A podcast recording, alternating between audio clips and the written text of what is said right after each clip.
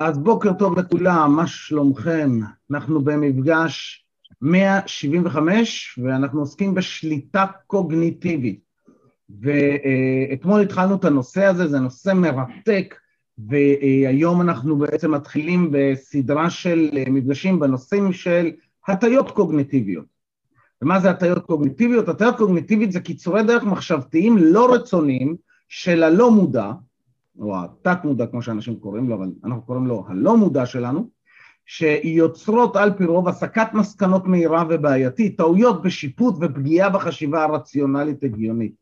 מי שזה מעניין אותו, חש... אה, הספרים של אה, כהנמן וטברסקי, הספר של כהנמן, אה, לחשוב מהר לחשוב לאט מדבר על זה המון, הם בעצם הראשונים שהתחילו עם זה בצורה מובהקת. יש את הספר של לא רציונלי ולא במקרה של דן אריאלי, שיש שם המון המון המון הטיות מגניבות, וההטיה הראשונה שאני רוצה שנתעסק איתה, אמרתי, אני אלך לפי א' ב', אבל עוד לא החלט, עוד לא עשיתי רשימה, אבל, אבל זו הטיה מגניבה ששווה להרים אליה, והיא נקראת אפקט הבומרנג. אפקט הבומרנג זה כשאנחנו, אנשים, מגיבים בהתנהגות של דווקא. אני אעשה דווקא, גם אם זה סותר את האמונה שלי, הגישה שלי, הדעה שלי. גם אם אני חושב שאני צריך להתנהג אחרת, לא, אני אעשה דווקא את ההתנהגות ההפוכה למה שאמרו לי.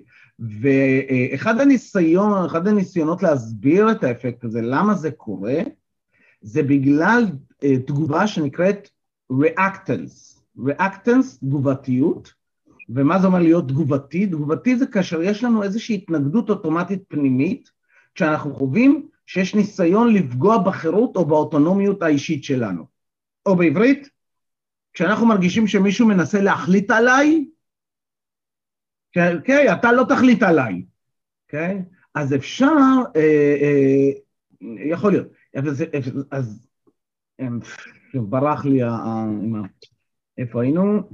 כן, אז, אז אמרנו שכאשר יש לי תגובה פנימית, וכאילו מישהו מנסה להשתלט עליי, יש לי תחושה שמישהו מנסה לקחת לי את היכולת להחליט, לקחת לי את החופש, את החירות לקבוע לעצמי משהו, יש לי את התגובתיות הפנימית הזאת שיוצרת איזושהי התנגדות, בגלל זה הרבה פעמים לאנשים בעולם המכירות, השכנוע וההשפעה יש התנגדויות, והם לא יודעים למה, אוקיי? בן אדם עם רמת ערנות גבוהה?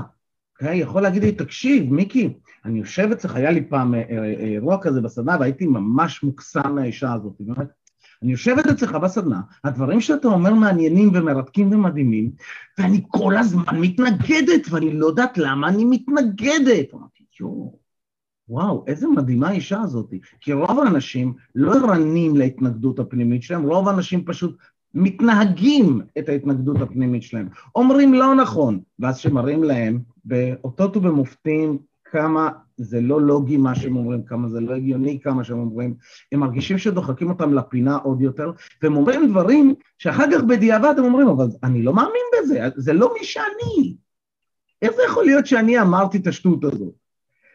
כי באותו רגע יש לי את התגובה האוטומטית, התגובתיות, ש, שכאילו מישהו מנסה לקחת לי את החופש, והבוקר בעצם שמתי לב על זה, שזה התגובת הילד שהיינו של אתה לא תחליט עליי.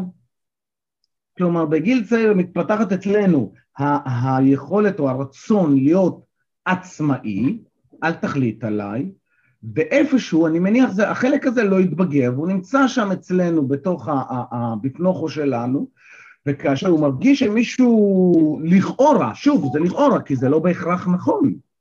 זה לא בהכרח נכון, זה רק תפיסה, זה רק נדמה לי. יש כל כך הרבה הטיות שמוכיחות, כאילו בגללן אנחנו חושבים, כאילו, לדוגמה, טוב, נדבר על זה, אני פשוט מתלהב מהחומרים האלה. אז כאילו, אם אני עכשיו, כאילו, יש לי את התגובה הזאת ואני מתנגד, בדרך כלל התגובה שלי תהיה תגובת הבומרנג, שאני כאילו מתנהג דווקא הפוך ממה שמבקשים ממני. ועל זה עשו מחקר מגניב ב-75, אה, אה, פנבייקר וסנדרס, עם שלטים.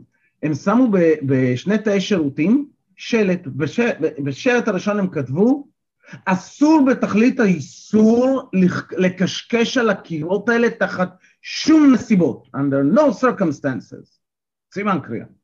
ובשני, בשלט השני הם כתבו, בבקשה אל תקשקשו על הקירות. כעבור שבועיים, בקיר הראשון, פי שלוש יותר גרפיטי וזה. למה? כי אתם לא תקבעו עליי, אתם לא תחליטו עליי. עכשיו, אם אנחנו מבינים את הדבר הזה, אם אנחנו מבינים את הדבר הזה, אז אפשר להשתמש בזה בשתי דרכים. פעם אחת, לשים לב על עצמי, אוקיי? עולה לי תגובתיות, תראו, זה, זה הפתגם שמצאתי הבוקר שבאמת עשה לי מין, עשה על שכל מדהים, אז כאילו, פיתח את אמרתי, וואלה, איזה גדול זה.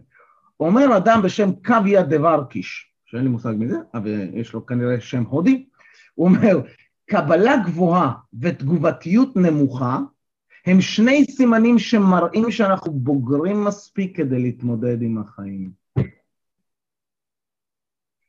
כלומר, תחשבו על זה שאם עכשיו נניח מישהו, נניח יפתח, אומר לי, לא, אתה חייב לעשות את זה.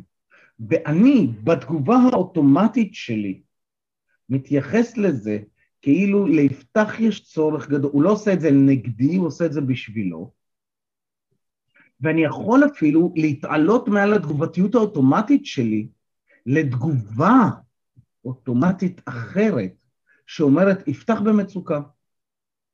יהיה לי יכולת להגיב שם מתוך חמלה, להגיב שם מתוך מקום אחר.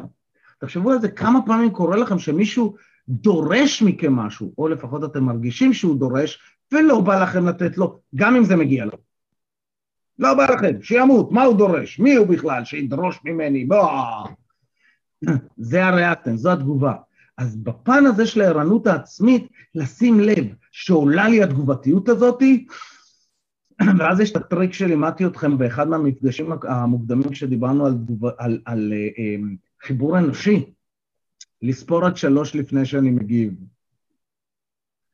לספור עד שלוש, כאילו, אחד, שתיים, שלוש, טוב, לפעמים צריך קצת יותר גם, תלוי בכם,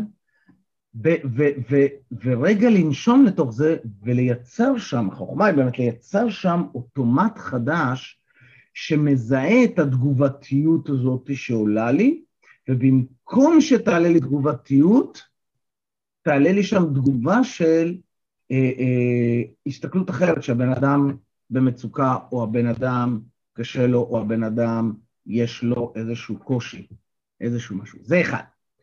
זה כאשר מדובר ביני מול עצמי, אני מול עצמי.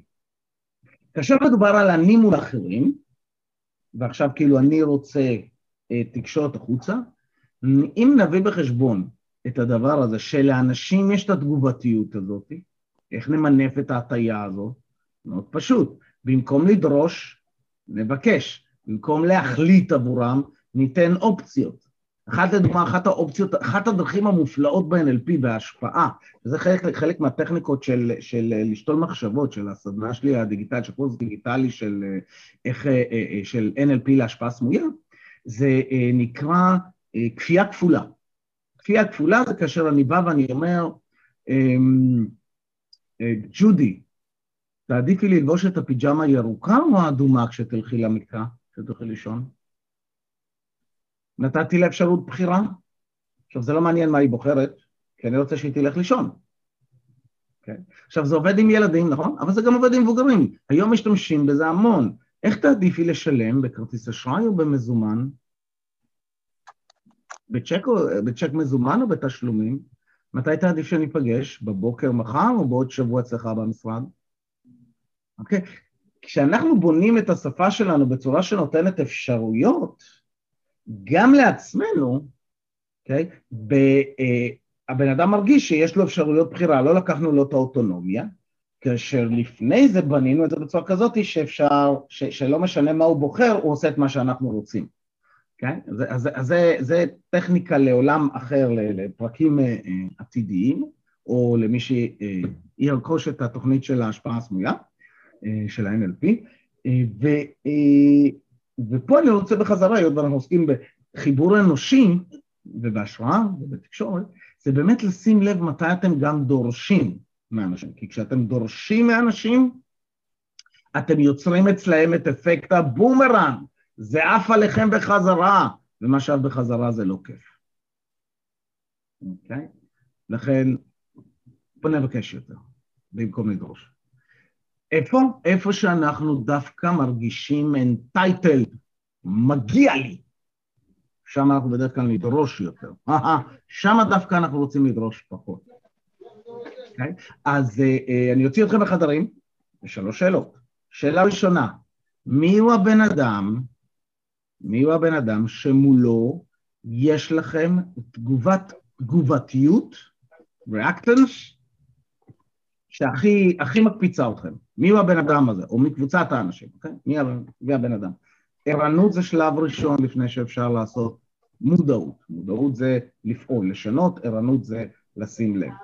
אז ערנות זה השלב הראשון. מי הבן אדם הזה? אתם משתפים, אוקיי? לא מטפלים, לא משנים, לא מייעצים, כל המאמנים פה, לא, אוקיי? וזו אה, שאלה ראשונה. אז מי הבן אדם שיש לכם תגובת ריאקטנס, תגובת תגובתיות כזאת אליו, כשהוא מדבר או דורש? שתיים, משימה אחת שאני רוצה לעשות היום בבוקר. שלוש, או היום ביום, במהלך היום. שלוש, ואיזו אנרגיה בא לי להיות היום, איך בא לי לנהל את היום הזה, באיזה חלק רוח. כן? אז אני עוצר את ההקלטה. ודרך אגב, לפני הרגע שאני עוצר את ההקלטה, אם אתם מקשיבים לזה בפודקאסט, תענו על השאלות האלה גם, אתם יכולים לענות עליהן בקול רם, ביניכם לבין עצמכם. כשעונים על זה בקול רם, אם אתם באוטו, בבית, בדרכים, ואתם עונים על זה בקול רם, אתם מנהלים דיאלוג משמעותי, או יותר נכון לומר, אתם מנהלים דיאלוג עם בן אדם משמעותי. עצמכם. תשתמשו בקול, בקול רם, לא לענות בתוך הראש, בקול רם. החלק שמדבר והחלק ששומע, שני חלקים שונים במוח, אזורים שונים במוח. אז אה, אה, בואו נעצור אותה. אוקיי, ברוכים החוזרים. אז מצאתם לכם את הבן אדם הזה שיוצר לכם את התגובתיות? אז הייתי מציע רעיון. בין האדם הזה שיוצר לכם את התגובתיות הכי הרבה, הוא המתנה של העולם עבורכם. הוא המתנה עבורכם לצמוח וללמוד ולהתפתח ולהתבגר. או לפחות שחלק אחד יתבגר, אל תבגרו את כל החלקים. את השטותניקים תשאירו, תשאירו.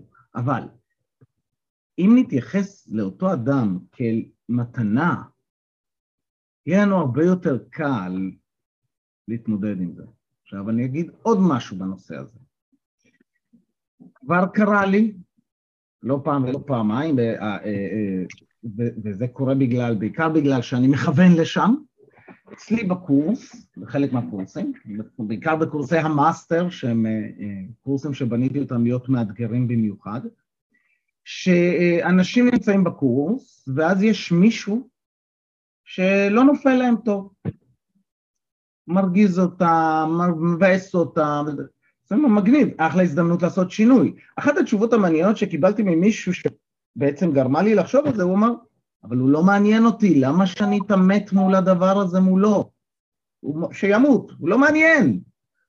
עוד שבוע, שבועיים, חודש, ייגמר הקורס, הוא לא יהיה יותר בחיים שלי.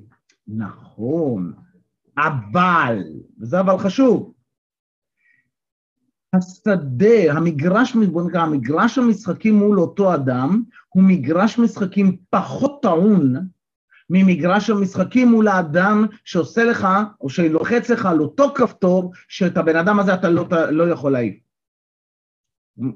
איך הגעתי לזה? כי הוא אומר לי, תשמע, אני מעדיף לעבוד על, על בעיות שיש לי מול אשתי, ולא על אה, בעיות שיש לי מול האידיוט הזה.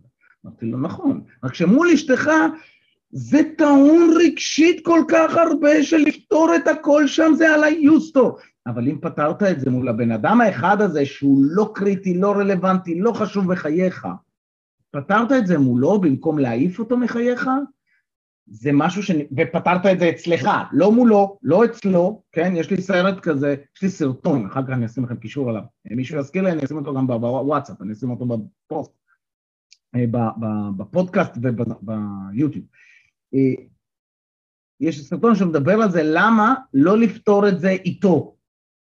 למה תמיד כשאומרים לכם לפתור את זה איתו, שלוש אצבעות מופנות אליכם ואומרות, זה אצלי, זה לא אצלו, אצלי אני רוצה לפתור את זה. עכשיו, אם אנחנו חוזרים לאותו בחור, אוקיי? אז יש לו פה שני מגרשי משחקים, שני מגרשי עבודה. מגרש שבו הוא עם אשתו, שזה מצב מאוד טעון, זה מגרש משמעותי, ומגרש שהוא לא טעון, או יחסית לא טעון, מול מישהו שמחר יעזוב אותו, מחר כאילו זה, שהכי קל לו זה, בוא נסלק אותו מחיי, נתעלם ממנו וזהו. העניין הוא שברגע שפתרת את זה במגרש הזה, פתרת את זה אצלך, הכפתור הזה איננו יותר.